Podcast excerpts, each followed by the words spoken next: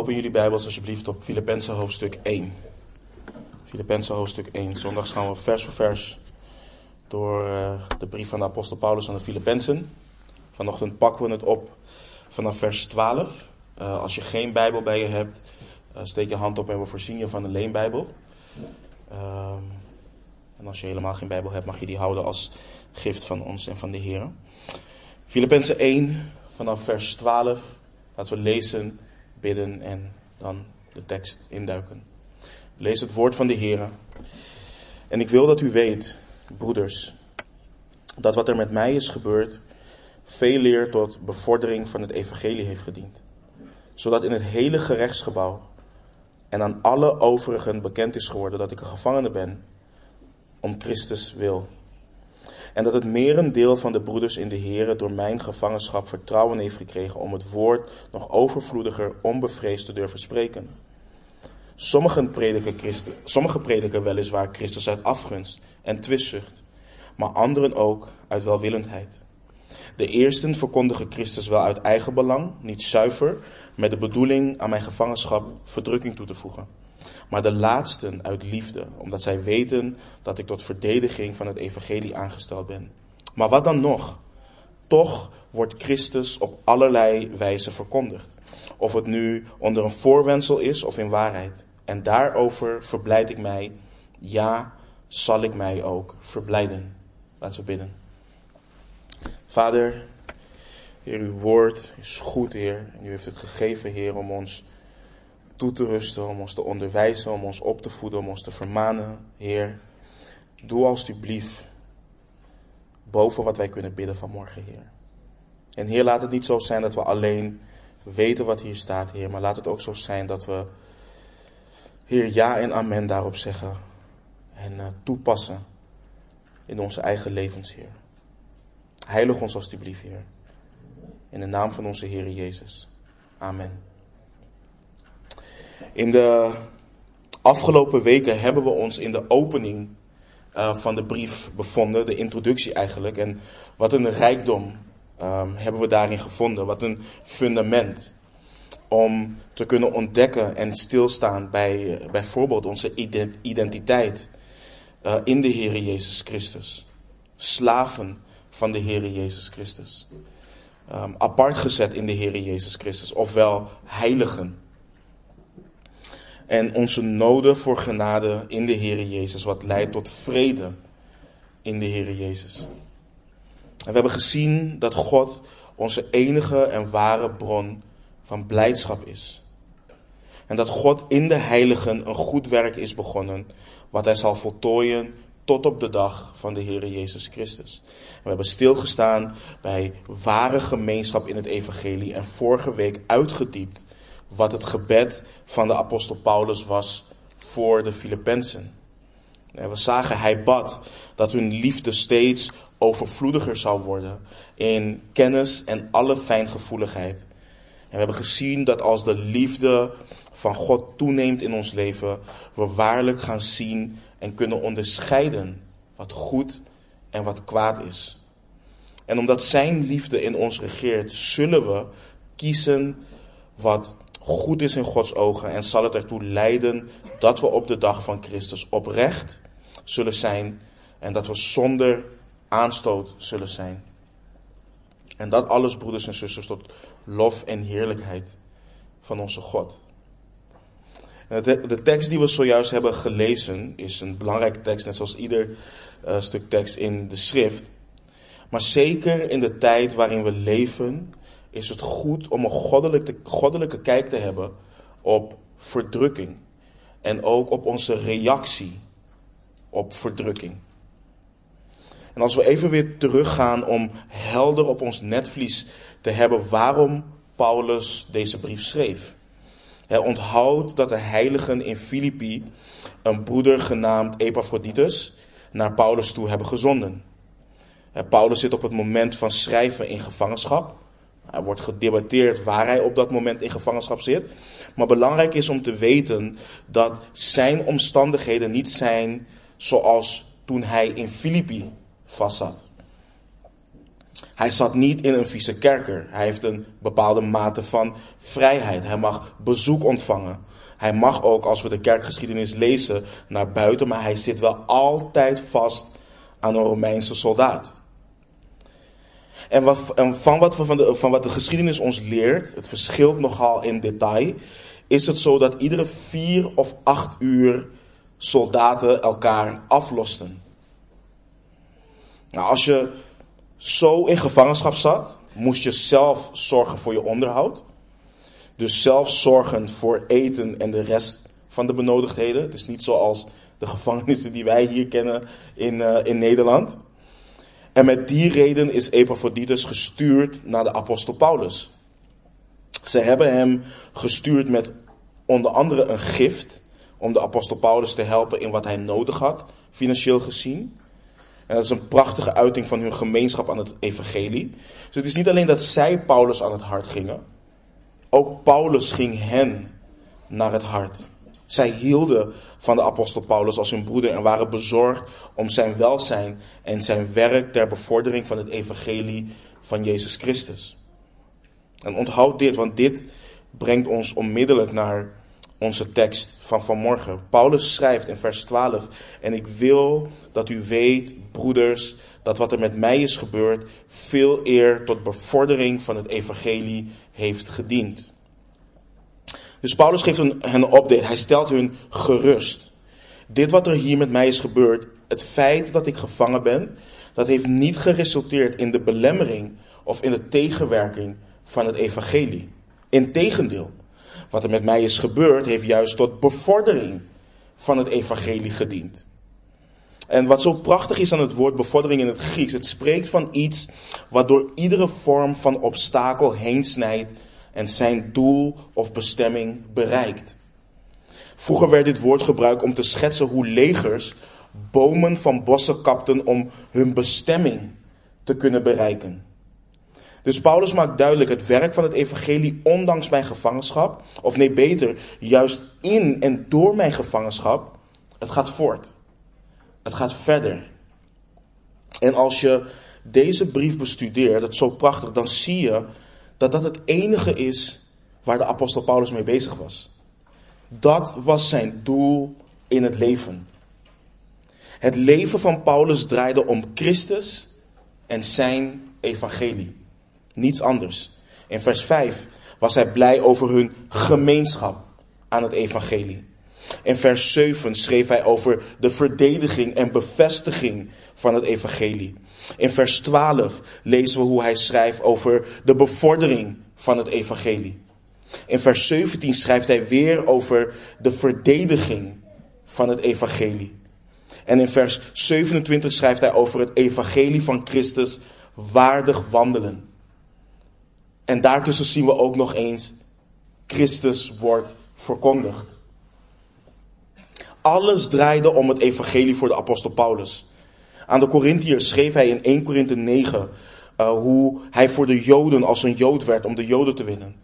En voor hen die onder de wet waren, was hij geworden als onder de wet, om hen die onder de wet te winnen. Voor hen die, onder de, uh, die zonder de wet waren, was hij geworden als zonder de wet. En dan schrijft hij, hoewel niet zonder de wet van God, want hij stond onder de wet van Christus, om hen te winnen die zonder de wet zijn. En hij is voor de zwakken geworden als een zwakke, om de zwakken te winnen. En dat allemaal waarom? In vers 23 van 1 Korinthe 9 lezen we, en dit doe ik ter wille van het evangelie. Opdat ik daarvan ook zelf deelgenoot zou worden. Alles voor de apostel Paulus was voor de bevordering van het evangelie van de Heer Jezus Christus. Dat is waar hij, aan, waar hij de aandacht van de Filippenzen ook op wilt richten. Ze hoefden, ze hoefden en moesten hem niet zielig vinden. Paulus zag het als volgt. Het is zo prachtig om te zien wat de Heilige Geest in hem bewerkstelligde. Let op wat hij bijvoorbeeld schreef aan Timotheus. In 2 Timotheus 2 vanaf vers 9 tot en met 12. Daarvoor leid ik verdrukkingen en draag zelfs boeien als een misdadiger. Maar het woord van God is niet gebonden. Daarom verdraag ik alles ter wille van de uitverkorenen, opdat ook zij de zaligheid in Christus Jezus zouden verkrijgen met eeuwige heerlijkheid. Dit is een betrouwbaar woord, want als wij met Hem gestorven zijn, zullen wij ook met Hem leven. Als wij volharden, zullen wij ook met Hem regeren. En als wij Hem verloochenen, zal Hij ons ook verloochenen. Ook al is Paulus in boeien, het woord van God is niet gebonden. Niets kan het evangelie van Jezus Christus hinderen. Niets kan het belemmeren in het voortgaan. Dat is iets wat wij als discipelen van de Heer Jezus echt in onze oren moeten knopen. En waarom kan, het, kan niets het verhinderen? Christus is alle macht in de hemel en op de aarde gegeven. Wie kan stand houden tegen God? De Heere van de legermachten heeft het besloten. Wie zou het dan verijdelen? Er is geen wijsheid, er is geen inzicht, er is geen raad tegen de Heere. In, psalm, de psalmen lezen we ook, men voedt en bedenkt wat zonder inhoud is. Men spant samen tegen de Heere en tegen zijn gezalfde. Maar die in de hemel is, of die in de hemel woont, zal lachen. Hij zal lachen. Men denkt dat ze met hun wetten, met hun bedreigingen, met hun aanklachten het werk van God kunnen stoppen. Dat ze het kunnen verhinderen, maar zijn werk is niet af te breken. Het is niet af te breken. Een Joodse leider, Gamaliel, had het ook door in Handelingen 5. En daarom zei het volgende tegen de Joodse leiders toen zij plannen maakten om Petrus en Johannes te doden. In Handelingen 5, vers 38 en 39. Dan zegt hij, nu zeg ik u, houd u ver van deze mensen en laat hen gaan. Want als dit voornemen of dit werk van mensen afkomstig is, dan zal het afgebroken worden. Maar als het van God afkomstig is, kunt u dat niet afbreken, opdat u misschien, opdat u niet misschien ook tegen God blijkt te strijden. Dat is wijze raad. Gamaliel wist heel goed, als dit het werk van God is, dan kun je het niet afbreken. Sterker nog, je hebt dan een groot probleem. Je strijdt tegen Hem. En let op wat de Heere God zegt over zichzelf in Jesaja 46, vers 9 en 10. Denk aan de dingen van vroeger, van oude tijden af. Dat ik God ben en niemand anders. Ik ben God en er is geen als ik. Die vanaf het begin verkondigt wat het einde zal zijn. Van oudsher de dingen die nog niet plaatsgevonden hebben. Die zegt, mijn raadsbesluit houdt stand en ik zal al mijn welbehagen doen. Dit is onze God. Dit is de God die we dienen. En broeders en zusters, laat dit, net zoals de apostel Paulus de Filippenzen wilde bemoedigen, een bemoediging tot ons allen zijn. Dit is niet simpelweg een positieve mindset. Wat, wat, wat, wat de wereld vandaag veel zegt, good vibes only en dat soort dingen. Dat is niet wat Paulus doet. Nee, dit komt puur en puur alleen uit het feit dat je leven om Christus en zijn evangelie draait. Paulus zat vast en hij dacht niet aan, waarom Heer? U weet toch dat ik een kerkplanter ben. U weet toch dat al die gemeenten er zijn en mij nodig hebben om hen te bemoedigen. Nee, iedere vier of acht uur had Paulus iemand die vastgeketend aan hem was en die het evangelie zou horen. Dat is het. Dat is het. En dat brengt ons naar vers 13. Let op wat Paulus schrijft. We lezen vers 12 weer en dan gaan we gelijk door naar vers 13. En ik wil dat u weet, broeders, dat wat er met mij is gebeurd, veel leer tot bevordering van het evangelie heeft gediend. Zodat in het hele gerechtsgebouw en aan alle overigen bekend is geworden dat ik een gevangene ben om Christus wil. Let op wat Paulus schrijft. Het hele gerechtsgebouw, het hele rechtshuis. Paulus verwijst hier naar de Pretoriaanse garde. Dit waren niet zomaar, zomaar soldaten. Dit was een elite eenheid. Dit was de top. Ik weet niet waar we het vandaag de dag mee kunnen vergelijken. Misschien de Navy SEAL, ik weet het niet. Maar dit waren geen lievertjes. En deze mannen waren het gewend om de ergste criminelen aan hun vastgeketen te hebben. Mannen die hun vonnis afwachten om de misdaad die ze hadden begaan. Maar Paulus schrijft, luister, dit wat met mij is gebeurd, al deze mannen weten dat mijn boeien in Christus zijn. Ik ben geen dief. Ik ben geen oplichter. Ik ben geen misdadiger. Ik ben geen moordenaar. Ik heb niemand wat misdaan. Deze mensen weten dat ik een gevangene ben omwille van Christus. Omwille van mijn getuigenis in Christus. Ik ben niet hun gevangene. Ik ben de gevangene van Jezus Christus. Ik ben hier omdat Hij dat wil. En dit was ook altijd het getuigenis van Paulus wanneer hij aangeklaagd werd. Let op bijvoorbeeld Handelingen 24. Paulus komt daar voor Felix te staan. Er wordt van hem gezegd dat hij een pest is en iemand die oproer verwekt onder al de Joden in heel de wereld. En dat hij een vooraanstaand persoon is binnen de secte van de Nazarenen.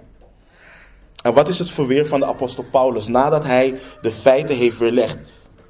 Vanaf Handelingen 24, vers 14. Dan zegt hij: Maar dit erken ik voor u. Dat volgens die weg die zij secte noemen, op die manier de God van de vaderen dien. En dat ik alles geloof wat er in de wet en in de profeten geschreven staat. Ik heb hoop op God. Zij zelf verwachten het ook.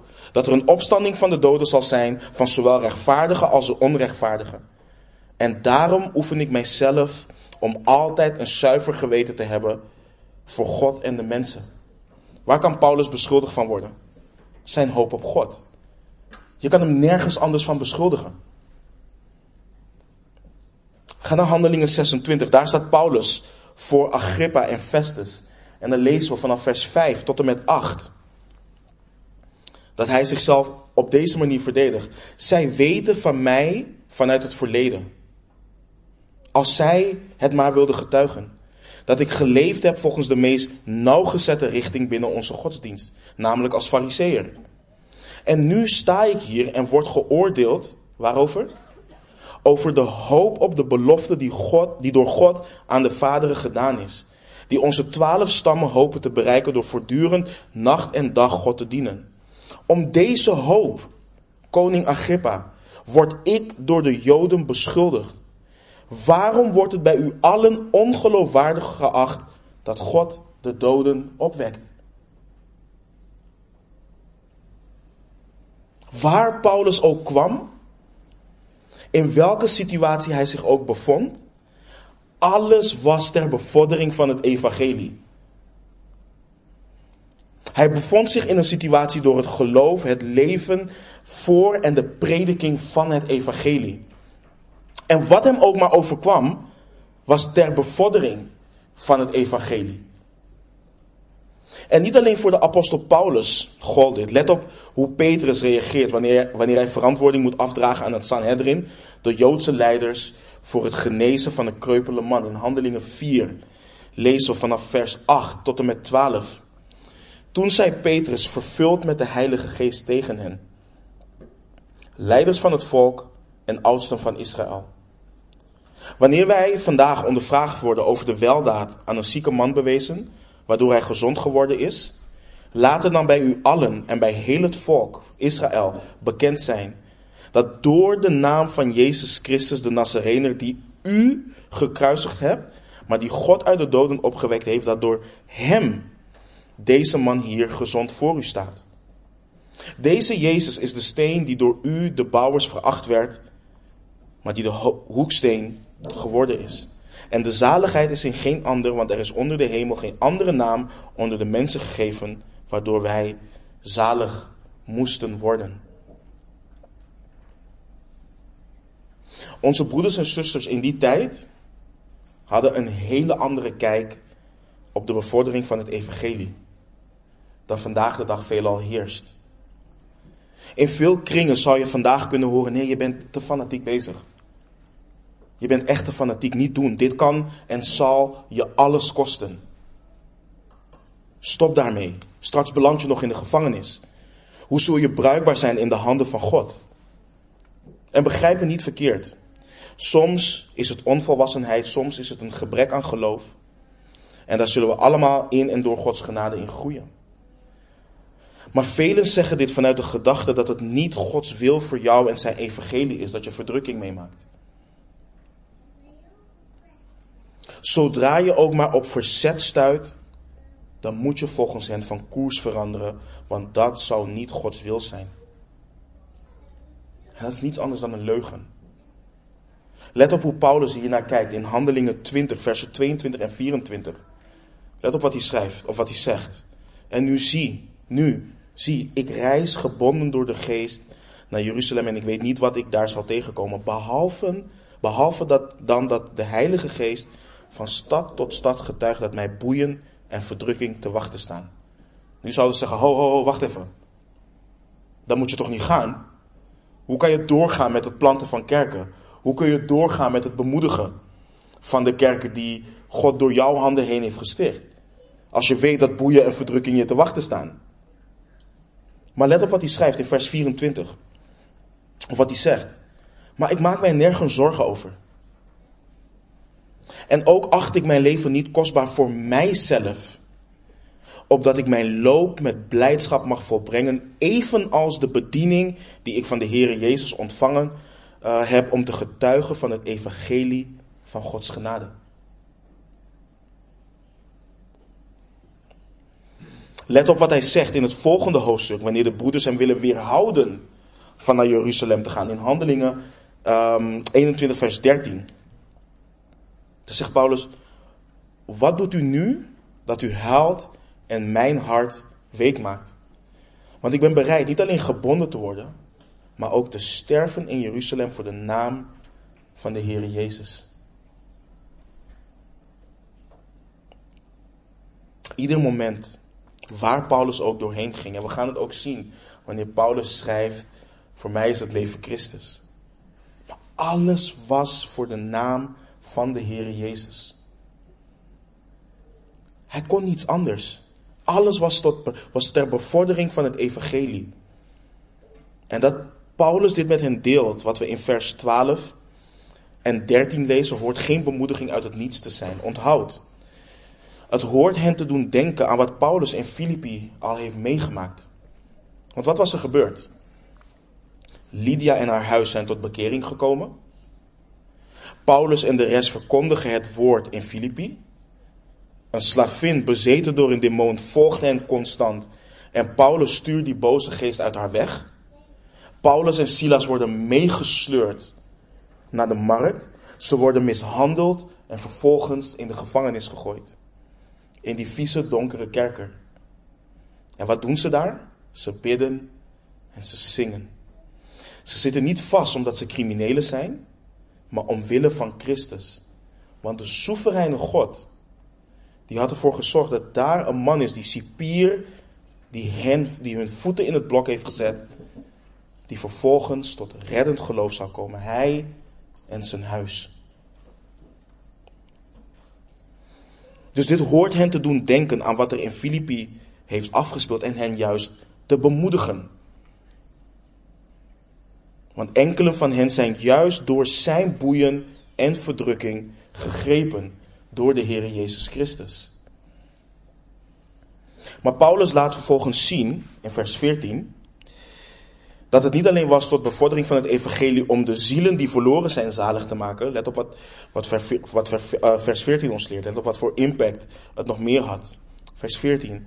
En dat het merendeel van de broeders in de Here door mijn gevangenschap vertrouwen heeft gekregen om het woord nog overvloediger, onbevreesd te durven spreken. Paulus informeert en bemoedigt de Filippenzen. Het evangelie gaat voort op allerlei wijzen. door interactie met de apostel Paulus leerden mensen dat hij gevangen, gevangene was om Christus wil. Zijn boeien waren dus in Christus. Maar meerdere broeders hebben, zijn, hebben door zijn gevangenschap ook het vertrouwen gekregen om het woord nog overvloediger, onbevreesd te durven spreken. Het woord vertrouwen schetst in het Grieks het idee dat ze overtuigd zijn geraakt. Maar dat ze ook zekerheid hebben in wat ze doen.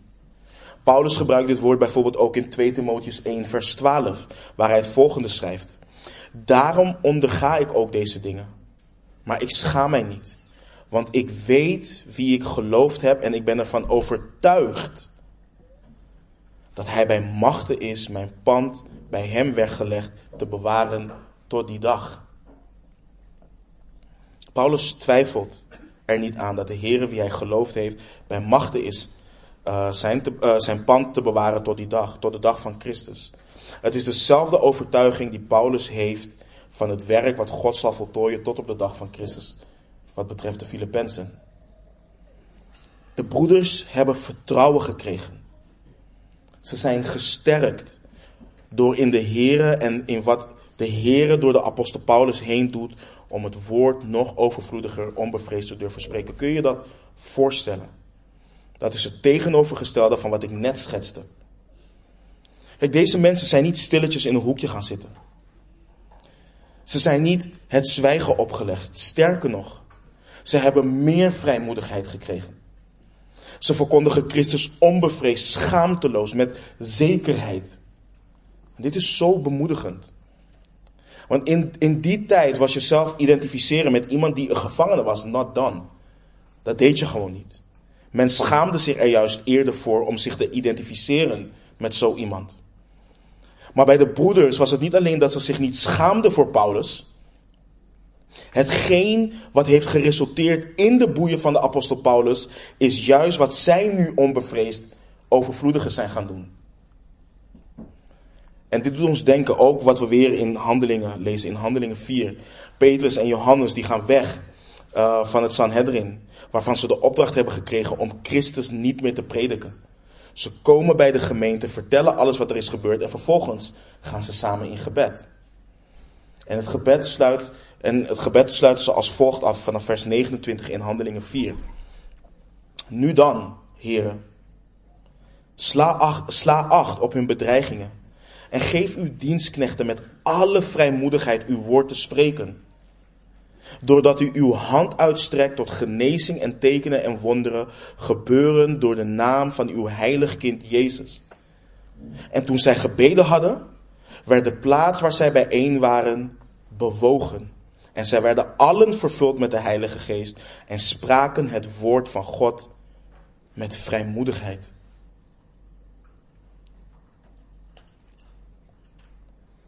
In plaats van wegkwijnen in angst, werd de kerk juist bemoedigd. Bemoedigd om in, in overvloed, onbevreesd het woord van God te spreken. En ik hoop, broeders en zusters, dat we niet denken dat dit alleen weggelegd is voor de apostelen. Al deze mensen waren gegrepen door Christus en zijn evangelie. Daarvoor leefden zij. Daarin hadden zij hun vertrouwen. En dit, stopt niet, dit stopte niet alleen in wat we in handeling lezen. Een van de kerkvaders, hij behoorde tot uh, wat ze de kerkvaders noemden, Tertullianus. Let op wat hij schreef aan de Romeinse keizer in, uh, in het boek Apologeticus. Ik citeer. Hij schrijft dit aan de Romeinse keizer. Wij zijn geen nieuwe filosofie, maar een goddelijke openbaring. Daarom kun je ons niet zomaar uitroeien. Hoe meer je doodt, hoe meer we zijn. Het bloed van de martelaren is het zaad van de kerk. U prijst degenen die pijn en dood hebben doorstaan, zolang ze geen christenen zijn. Uw wreedheden bewijzen slechts onze onschuld van de misdaden die u tegen ons aanklacht. En je verijdelt ofwel verhindert je eigen doel. Want degenen die ons zien sterven, vragen zich af waarom we dat doen. Want we sterven als de mannen, dus de goden die je vereert. Niet als slaven of criminelen. En als ze erachter komen, sluiten ze zich bij ons aan. Einde citaat. Hij wist heel goed dat het gewenste effect dat de Romeinen wilden zien van de vervolging niet plaatsvond. De Romeinen wilden dat de discipelen van Christus goede burgers waren en offers brachten aan de afgoden. Dus wat dachten ze? Laten we deze christenen tot voorbeeld stellen door hen te doden. En daarmee wilden ze anderen ervan weerhouden christenen te worden. Maar zoals onze broeder opmerkte, nam het aantal alleen maar toe. Het getuigenis van de martelaren deed mensen zich afvragen waarom de christenen hun leven op het spel zetten. Wie is toch die Jezus Christus die ze beleiden? En waarom zijn ze bereid om voor hem te sterven? Waarom offeren ze niet gewoon aan de afgoden en gaan ze vervolgens in vrede verder met het aanbidden van Christus?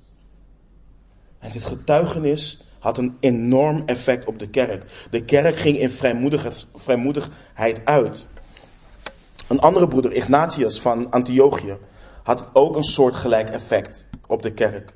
Toen hij het Colosseum in kwam lopen, wist hij wat hem te wachten stond. Let op zijn woorden, ik citeer. Nu begin ik een discipel van Christus te worden. Ik geef nergens om, zichtbare of onzichtbare dingen, zodat ik Christus maar kan winnen. Laat vuur en het kruis Laat de gezelschappen van wilde beesten, laat het breken van botten en het scheuren van ledematen, laat het vermalen van het hele lichaam en alle boosaardigheid van de duivel over mij komen. Zij het zo dat ik Jezus Christus mag winnen. Einde citaat. Let op de woorden van Polycarpus, die levend verbrand is omdat hij Christus niet wilde verloochenen. Ik citeer. Heere God Almachtig, Vader van uw geliefde en gezegende kind Jezus Christus. Ik loof u dat u mij deze dag en dit uur waardig achtte. Hij staat op het punt om dood te gaan.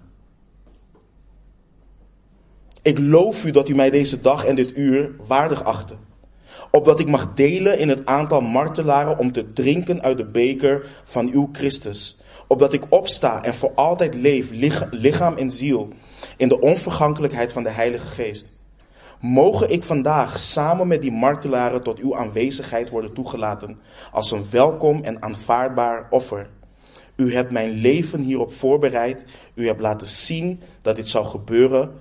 En nu laat u het gebeuren, want u bent de ware en trouwe God. Einde citaat. En laatste, deze is van Justinus, de martelaar. Ik citeer. Ik vraag niets meer dan te lijden voor de zaak van mijn Heer Jezus Christus. Als ik dit kan, dan kan ik in vertrouwen en stil voor de rechterstoel van mijn God en Heiland staan, wanneer deze wereld in overeenstemming met zijn wil vergaat. Einde citaat. En waarom ik deze getuigenissen voorlees is om de volgende reden. Soms zien we de heilige in de schrift als anders dan wij vandaag de dag zijn. Dat ze een andere geest hadden. In een andere tijd leefden. Andere uitdagingen hadden.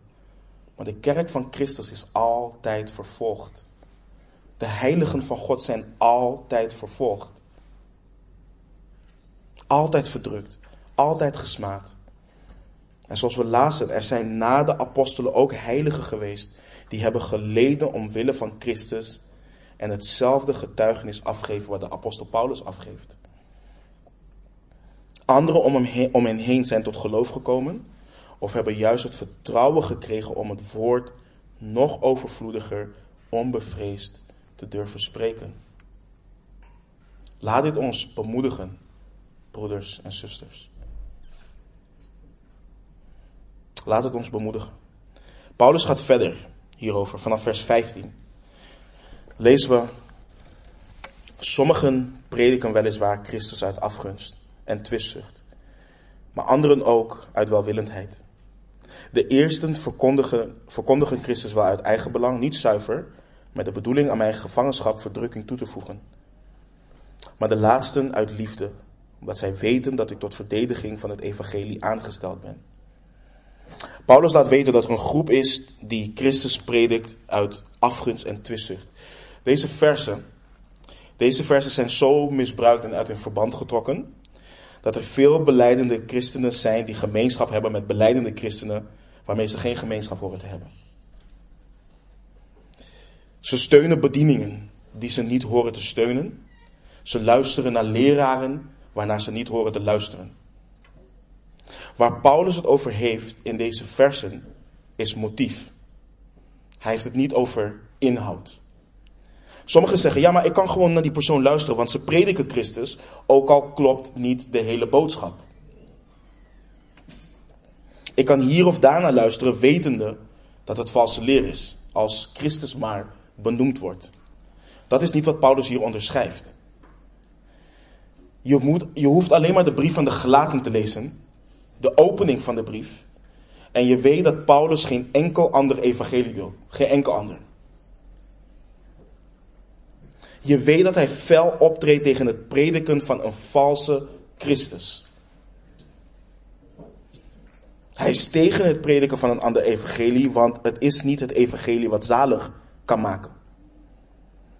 Dus wanneer een broeder, en dat is echt wat we goed moeten begrijpen, wanneer een broeder of een zuster naar je toe komt, die beleidt, hé, hey, ik luister naar die of die of die. En jouw broeder of je zuster, die wijst je op van, broeder, weet je, dit is een valse leraar, want hij of zij verkondigt dit, dit, dit, dit. Ga dan gewoon toetsen. Ga toetsen. Voel je niet aangevallen? Ga toetsen. En als je ziet dat er een ander evangelie wordt verkondigd, als je ziet dat er een valse Christus wordt verkondigd, bekeer je. Dat is wat je moet doen. Ga niet vasthouden aan een persoon, omdat je al zo lang naar die persoon luistert en vindt, oh ja, wel fijn. Nou, want Paulus in, in, in Galaten nogmaals, hij schrijft heel duidelijk, als er iemand, als wij, als er een engel is die een ander evangelie verkondigt, die zij vervloekt. Hij schrijft het heel duidelijk. En Paulus spreekt zichzelf niet tegen. Wat hij hier doet, als we de tekst goed lezen, zie je, hij noemt hem broeders in de Heer. Maar ze prediken niet oprecht. Ze prediken niet oprecht. Ze concurreren met de apostel Paulus. Eigenlijk willen, willen ze laten zien dat hun bediening effectiever is. En dit hoor je vaak ook in de charismatische kerk. Hè? Hoe kan de gunst van God op Paulus zijn terwijl hij gevangen zit? Hoe kan al deze ellende je overkomen terwijl je beleidt dat de gunst van God op je leven is? Dat is wat mensen heel vaak doen. De kerk wordt hierdoor geplaagd. Kerken die met elkaar concurreren. Kerken die alleen maar bezig zijn met hoe effectief ze zijn en hoe zij de stoelen van hun gebouwen kunnen vullen. En aan de andere kant heb je de groep waarover Paulus schrijft, dat ze uit welwillendheid prediken. Zuiver, uit liefde. Niet om Paulus te benadelen, maar juist ter bevordering van het evangelie. Paulus was geen cynische man die alleen maar bezig was met zijn eigen bediening. Hij wist dat er oprechte broeders waren, broeders die echt het evangelie wilden zien voortgaan en gemeenschap met Paulus aan het evangelie hadden. Daarom schrijft hij ook in vers 18, maar wat dan nog? Toch wordt Christus op allerlei wijzen verkondigd, of het nu onder een voorwendsel is of in waarheid. En daarover verblijd ik mij, ja, zal ik mij ook verblijden. Ik vraag de Heer hier oprecht om wijsheid voor, want ik persoonlijk, ik vind dit moeilijk. Oprecht moeilijk. Als ik valse leer hoor, dan gaan al mijn haren overeind staan. Maar Paulus kan blijkbaar onder leiding van de Heilige Geest onderscheiden tussen inhoud en motief. En dat is iets waar we in dienen te groeien. En je ziet het ook bijvoorbeeld in hoe in handelingen werd omgegaan met Apollos. Zijn leer over Christus was niet volledig. Dus wat doen ze? Ze nemen hem apart, Priscilla en Aquila, en ze onderwijzen hem verder in de leer van Christus. En wat op dat moment belangrijk is, wat is zijn hartsgesteldheid? Hoe neemt hij dat aan? Als hij dat aanneemt, zich vernedert, dan kun je gemeenschap hebben, dan kun je fellowship hebben. Maar als iemand hoogmoedig is en blijft bij, op zijn wegen, dan lijkt het mij dat je afstand neemt van zo iemand. Maar dit bevestigt waar Paulus het over had. De vreugde van Paulus zat hem in het volgende. In de verkondiging van Christus, in, het, in de bevordering van het evangelie. Predik je Christus met een onzuiver hart, maar is de inhoud overeenkomstig het evangelie? Paulus verblijdt zich. Predik je met een zuiver hart, Prijs de Heer. En waarom kon Paulus dit hart hebben? Aan de Corinthiërs schreef hij het volgende. In 1 Korinthe 3, vers 10 tot met 15. Hij schrijft, Overeenkomstig de genade van God die mij gegeven is, heb ik als een wijs bouwmeester het fundament gelegd en een ander bouw daarop. Ieder dient er echter op toe te zien hoe hij daarop bouwt. Want niemand kan een ander fundament leggen dan wat gelegd is. Dat is Jezus Christus. Of nu iemand op dit fundament bouwt met goud, zilver, edelstenen, hout, hooi of stro, ieders werk zal openbaar worden. De dag zal het namelijk duidelijk maken, omdat die in vuur verschijnt. En hoe ieders werk is, zal het vuur beproeven. Als iemands werk dat hij op het fundament gebouwd heeft standhoudt, zal hij loon ontvangen. Als iemands werk verbrandt, zal hij schade lijden. Hij zelf echter zal behouden worden, maar wel zo als door vuur heen. Dus je ziet dat Paulus kan onderscheiden. Blijkbaar is dat wel een broeder in de Heer. Die persoon verkondigt Christus, maar zijn, of, maar zijn hart is daarin niet zuiver. Hij wil verdrukking toevoegen aan mijn bediening. Maar het werk wat hij doet, het motief, zijn hart, het zal beproefd worden. Het zal beproefd worden op de dag van Christus.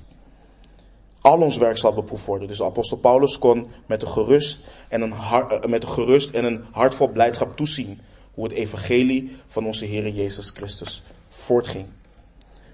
Wat betekent dit voor ons? Uh, wat betekent dit allemaal voor ons? Want we weten wat Paulus communiceerde aan de Filippenzen en waarom hij het schreef. Maar wat kunnen wij hiervan leren? Wat is belangrijk voor ons? Als je kijkt naar het thema, het dominante thema blijdschap, vreugde in deze brief, zie je dat de Heilige Geest door de apostel Paulus laat zien dat er ware blijdschap ligt in verkondiging en het voortgaan van het evangelie van Christus onder alle omstandigheden. Alle omstandigheden. En zoals we al kort hebben gehint in de getuigenissen van de martelaren, dat dit leven niet alleen weggelegd is voor de evangelist, voor de ouderling, voor de zendeling, wie dan ook. Iedere discipel van de Heer Jezus zal op wat voor manier dan ook bezig moeten zijn met de voortgang van het evangelie. Met de bevordering van het evangelie. Dat is niet waartoe ik opdraag, dat is wat de schrift laat zien. Wij leven door het geloof in het evangelie, maar getuigen ook van het evangelie van Christus. Onthoud, we zijn heiligen, apart gezet door God tot God. We leven niet meer voor onszelf. We zijn gestorven met Christus. We leven voor de glorie van onze Heer Jezus. Onze wil doet er niet meer toe. Zijn wil geschieden. Wat zei de Heer in Marcus 8, vers 34 en 35? En toen hij de menigte met zijn discipelen bij zich geroepen had, zei hij tegen hen: Laat wie achter mij aan wil komen zichzelf verloochenen, zijn kruis opnemen en mij volgen. Want wie zijn leven zal willen behouden, die zal het verliezen. Maar wie zijn leven zal verliezen omwille van mij en om het evangelie, die zal het behouden. Kijk, het leven, van een, het leven als een discipel van de Heere Jezus. En we moeten dat helder hebben. Het leven als een discipel van de Heere Jezus is geen leven voor onze persoonlijke vervulling. Het maakt me niet uit wat Joel Osteen zegt. Het maakt me niet uit wat Joyce Myers zegt. Het maakt me niet uit welke word of faith prediker, wat ze ook zeggen. Ze liegen. Je leven is niet meer voor jezelf. Als God jou uit duisternis heeft getrokken, behoor je Hem toe. Punt uit. Je bent niet een beetje van de wereld en een beetje van Hem. Je bent niet een beetje van de wereld en een beetje van jezelf. Je behoort Christus toe. Je bent gekocht met duur, met kostbaar bloed.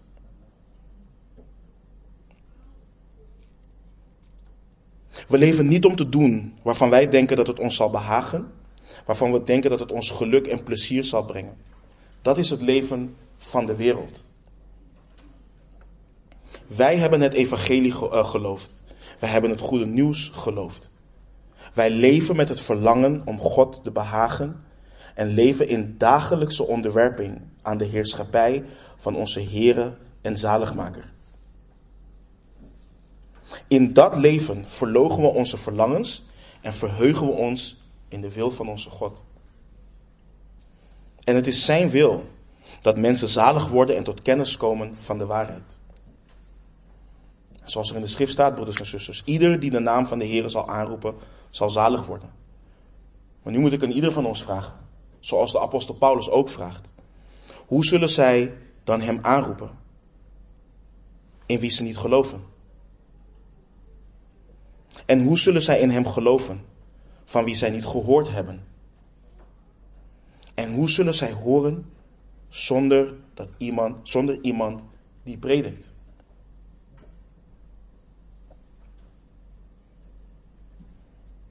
Dit zijn confronterende vragen. Maar het zijn wel vragen die ons dienen te drijven om ons hart te onderzoeken. Wat doen we met het leven wat Christus ons heeft geschonken? Wat doen we daarmee? Leven we voor onszelf en proberen we zoveel mogelijk te halen uit dit leven? Of hebben we het hart van bijvoorbeeld de Heer Jezus Christus die zichzelf ontledigd heeft? Of hebben we het hart van de apostelen en de discipelen die hun eigen leven niet waardig achten, maar leefden om anderen zalig te zien worden? Dat is de vraag die we onszelf moeten stellen. En dat is de vraag die in ieder van ons zichzelf moet stellen. Nogmaals, dit is niet alleen de evangelist, dit is niet alleen de zendeling. Ik heb het eerder ook al geciteerd in handelingen, wanneer je ziet dat de kerk vervolgd wordt en vervolgens verspreid raakt. Allen verkondigen het woord. Allen. En mijn oproep is niet, sta nu op, ga naar buiten en verkondig. Nee, de vraag die we onszelf moeten stellen is, leef ik daadwerkelijk voor het evangelie? Want ik kan oproepen, iedereen kan oproepen om te gaan doen wat je niet wil. Maar als je het niet wilt, betekent dat dat je niet leeft voor het evangelie. Want allen die door hem gegrepen zijn, zijn ook gegrepen door hetgeen wat hij wilt.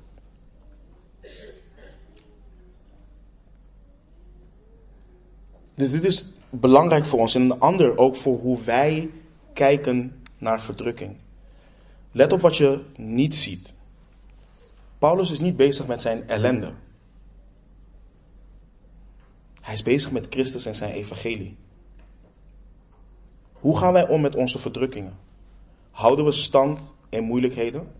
En zien we de situaties waarin we belanden als een situatie die de soevereine Heer kan gebruiken tot eer en glorie van zijn heilige naam? Denk weer aan die kerker in Filippi. Paulus en Silas, ze bidden. Ze loven God, ze zingen. En er is daar een cipier die door God voor de grondlegging van de wereld in Christus Jezus is uitverkoren. En wie heeft hen naar die kerken geleid? De soevereine God. Zij wilden in Azië, ze wilden in Bithynië, wilden zij het evangelie gaan verkondigen. En de geest die hield hen tegen. De geest leidde hen naar Macedonië. Waar ze mishandeling ondergingen. Waar ze dus die gevangenis in kwamen. Het is het werk van de soevereine God. En beseffen wij dan ook als discipelen waar wij ons in bevinden? Beseffen we dan ook dat alles wat God doet tot eer en glorie van zijn naam is? Beseffen we dat God bezig is met zijn helsplan? Dat hij verlorenen trekt naar zijn zoon door de prediking van zijn evangelie? Laat je niet afleiden door de posts online op social media dat je God moet vragen: Heer, wat is uw plan met mijn leven? En laat je daardoor niet afleiden.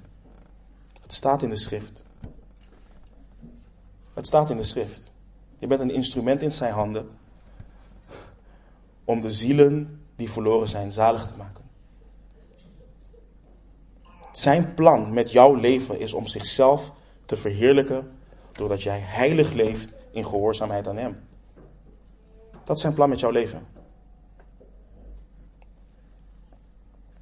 Daarom, broeders en zusters, daarom wil ik jullie ook bemoedigen om jullie niet alleen te verheugen in het goede nieuws, niet alleen te verheugen in het evangelie, maar als je het gelooft, beijver jezelf om het je levenswerk qua studie te maken. Bestudeer het evangelie. Denk niet, ik ken het evangelie. Bestudeer het. Want hoe meer je graaft daarin, hoe meer je beseft hoe goed en hoe groot dit nieuws is. Hoe meer je gaat beseffen wat voor kracht van God het is tot zaligheid voor een ieder die gelooft. Daarom moeten we blijven beseffen en begrijpen met z'n allen, broeders en zusters. Het evangelie is niet, ik bid voor je. Het evangelie is niet, probeer Jezus en al je problemen zullen verdwijnen. Het evangelie is niet, het zal je, leven, je leven zal beter worden omdat je Jezus toevoegt aan je leven. Dat is niet het evangelie. Dat is afgoderij. Het is niet dat mensen wat hulp nodig hebben van Jezus in hun leven om te stoppen met de foute keuzes die ze maken en de dingen die ze doen. Nee, broeders en zusters, de mens heeft een probleem. De mens heeft een probleem, een fundamenteel probleem. En het fundamentele probleem voor ieder mens is dat God goed is. En dat Hij heilig is. En dat Hij rechtvaardig is. En dat de mens goddeloos is. Het probleem is dat de mens diep gevallen is en de heerlijkheid van God mist. En dat de toorn van God boven de mens hangt. En dat als een persoon sterft in zijn zonde, God voor, God voor eeuwig zijn toorn over hen heen zal storten in de hel. Mensen hebben een groot probleem. En zoals de apostel Paulus ook zegt, wanneer hij in Athene is, God verkondigt nu aan al de mensen overal dat zij zich moeten bekeren. En wel omdat hij een dag vastgesteld heeft. Waarop hij de wereld rechtvaardig zal oordelen door een man die hij daartoe aangesteld heeft. God zal de wereld oordelen door zijn zoon Jezus Christus.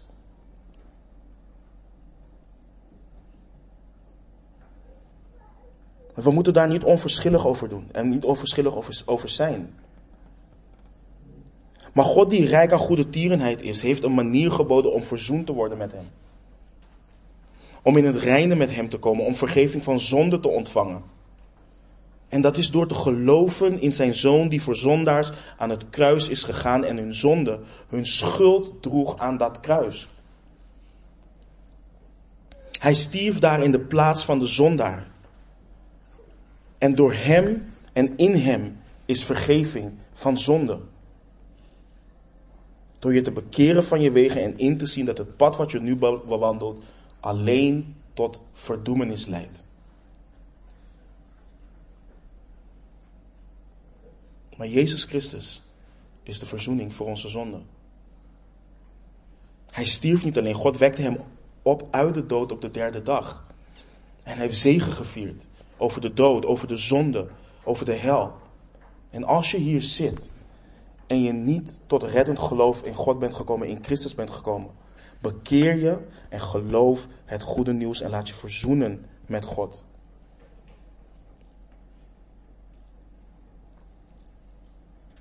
Broeders en zusters, mensen moeten dit nieuws horen. Mensen moeten horen dat er genade is te vinden in Christus. Dat is waar Paulus voor leefde. Dat is waar hij voor leefde. En hebben wij niet dezelfde geest? Dat is wel de vraag die we onszelf moeten stellen. Want heel vaak zie je vandaag de dag dat men doet alsof zij een andere geest hadden. Maar de geest van de belofte is de geest die zal komen om te getuigen van Christus. Niet om ons te verheerlijken, maar om Hem te verheerlijken die zegevierde over de dood.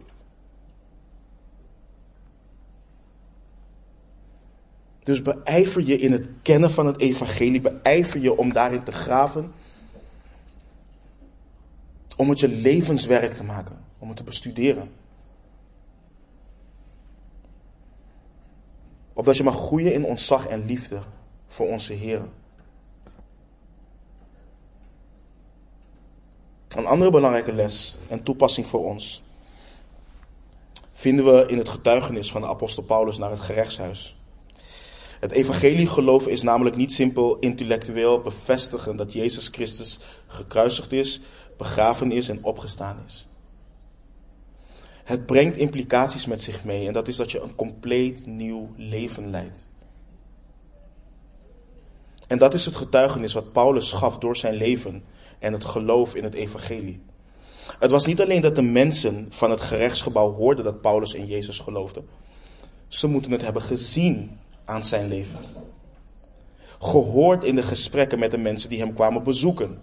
De brieven die hij heeft geschreven en gedicteerd. Moet je voorstellen. Dat daar een man vastzit en hoort van de problemen in de kerken die hij waarschijnlijk heeft geplant en heeft gesticht. En dat dicteert hij zijn brief. En dan is die Romeinse soldaat aan hem geketend. En dan schrijft hij over het verdragen van elkaar. Jezelf niet hoger achten dan de ander. Jezelf vernederen in de Heere Jezus Christus als het voorbeeld wat Hij heeft gegeven. Dat je niet kwaad met kwaad moet vergelden, maar je de ander moet vergeven. En zij zitten normaal vastgeketend aan mannen die onrechtvaardig zijn, onverstandig zijn, goddeloos zijn, hun eigen recht willen behalen. En hier heb je een man die vastzit en die zegt: nee, nee, nee, nee, nee, nee. Denk niet aan jezelf. Je bent gestorven met Christus. Je leeft niet meer. Leef om Hem te verheerlijken. En hij laat het zien in zijn eigen leven. En dat is ook hoe wij dienen te wandelen. Te midden van de verdrukking. Te midden van verdrukking moeten we blijven herinneren dat we gevangenen van Christus zijn. Dat we verdrukten in Hem zijn. En dat de geest in ons woont om ons te veranderen naar het beeld van Christus. En daarom vind ik het zo prachtig wat Petrus schrijft in zijn eerste brief in 1 Petrus 2, vers 11 en 12. Geliefden, ik roep u op als bijwoners en vreemdelingen u te onthouden van de vreselijke begeerten die strijd voeren tegen de ziel. Let op wat hij schrijft. Houd uw levenswandel onder de heidenen goed. Opdat zij die van u, die nu van u kwaad spreken als van kwaaddoeners, door de goede werken die zij in u waarnemen, God verheerlijken mogen op de dag dat er naar hen omgezien wordt.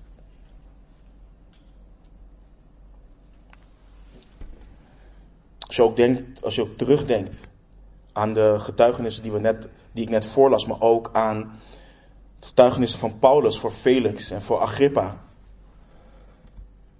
Hoe hij getuigt. Hij houdt zichzelf staande, hij weerlegt de feiten. Maar vervolgens getuigt hij van Christus. Hij grijpt niet naar het zwaard zoals zij naar het zwaard grijpen. En let ook op wat Petrus schrijft verderop in 1 eh, Petrus 2, eh, vanaf vers 19. Want dat is genade. Als iemand om het geweten voor God dingen verdraagt die hem pijn doen en daarbij ten onrechte leidt. Want wat voor roem is er als u het geduldig verdraagt wanneer u zondigt en daarvoor slagen ontvangt? Is geen genade als je verdrukt wordt. Omdat je een leugenaar bent, omdat je een crimineel bent, omdat je losbandig bent. Maar als u het geduldig verdraagt wanneer u goed doet en daarvoor lijdt, is dat genade bij God. Want hiertoe bent u geroepen. Omdat ook Christus voor ons geleden heeft. Hij laat ons zo een voorbeeld na, opdat u zijn voetsporen zou navolgen. Dus wat voor ons belangrijk is, we zijn niet simpelweg aan het overleven tijdens verdrukking, vervolging of smaad. We zijn juist actief getuigen van Hem, opdat zij die ons vervolgen en zij die het zien, niets op te merken hebben dan de genade van God die werkzaam is in ons leven. Laat geen van de discipelen van onze zaligmaker lijden. Als een moordenaar, als een dief, als een kwaaddoener, als een leugenaar of als iemand die zich met de zaken van iemand anders bemoeit. Laat een discipel van de Heere Jezus Christus lijden en zich verheugen daarin en God verheerlijken in die situatie. En het is goed om te beseffen dat niet alleen ongelovigen naar ons kijken, maar ook broeders en zusters naar ons kijken in hoe we hiermee omgaan. En dit houdt niet in dat we niet kunnen en mogen toegeven dat het zwaar is, want het is zwaar. Het houdt niet in dat het af en toe niet te veel kan worden, maar dat we te midden van dit alles blijven getuigen dat de soevereine God alles in de hand heeft en we op Hem vertrouwen en elkaar daarin sterken. Met alles wat we doen en alles wat we willen is dat het evangelie van Christus voortgaat. Dat Hij verkondigd zal worden, ondanks waar de situatie toe zal leiden. Misschien denk je, ik kan dit niet. Ik heb hier de kracht niet voor. Je weet niet waar ik doorheen ga. Dat klopt. Je kan het ook niet. En daarom is het goed om acht te slaan op het gebed van de apostel Paulus van de Colossense. Het gaat namelijk niet om onze eigen kracht. Maar dat de kracht van de Heer in ons werkzaam is. Let op Colossense 1, vanaf vers 9 tot en met 11. Als je denkt, in de charismatische kerk bidden ze vaak voor kracht, hè? En, en velen van jullie weten wel hoe die gebeden uh, klinken en hoe ze eruit zien. Maar let op een gebed, wat, wat over kracht, onder andere over kracht gaat. Daarom houden ook wij niet op. Vanaf de dag dat wij het gehoord hebben voor u te bidden en te smeken dat u vervuld mag worden met de kennis van zijn wil. In alle wijsheid en geestelijke inzicht. Zodat u wandelt op een wijze de Heere waardig. Hem in alles behaagt. In elk goed werk vrucht draagt. En groeit in de kennis van God. Terwijl u met alle kracht bekrachtigd wordt, overeenkomstig de sterkte van zijn heerlijkheid. Om wat te doen?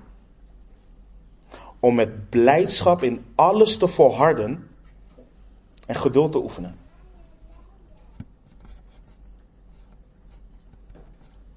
Om met blijdschap in alles te volharden en geduld te oefenen. Dan zien we de kracht van God werkzaam in ons leven.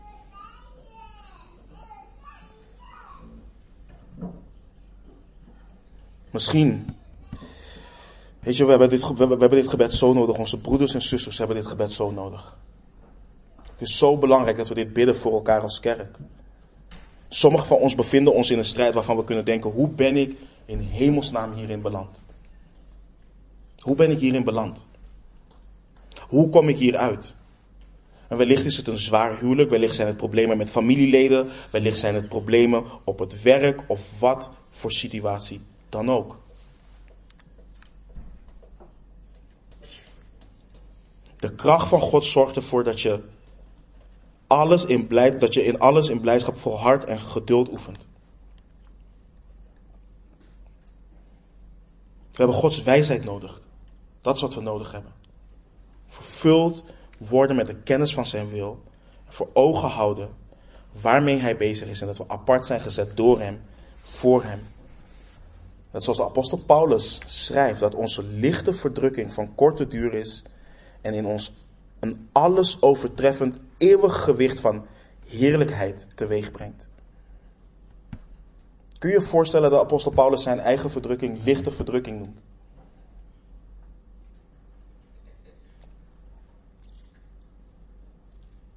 Houd je ogen niet gericht op de dingen die je ziet, maar op de dingen die je niet ziet.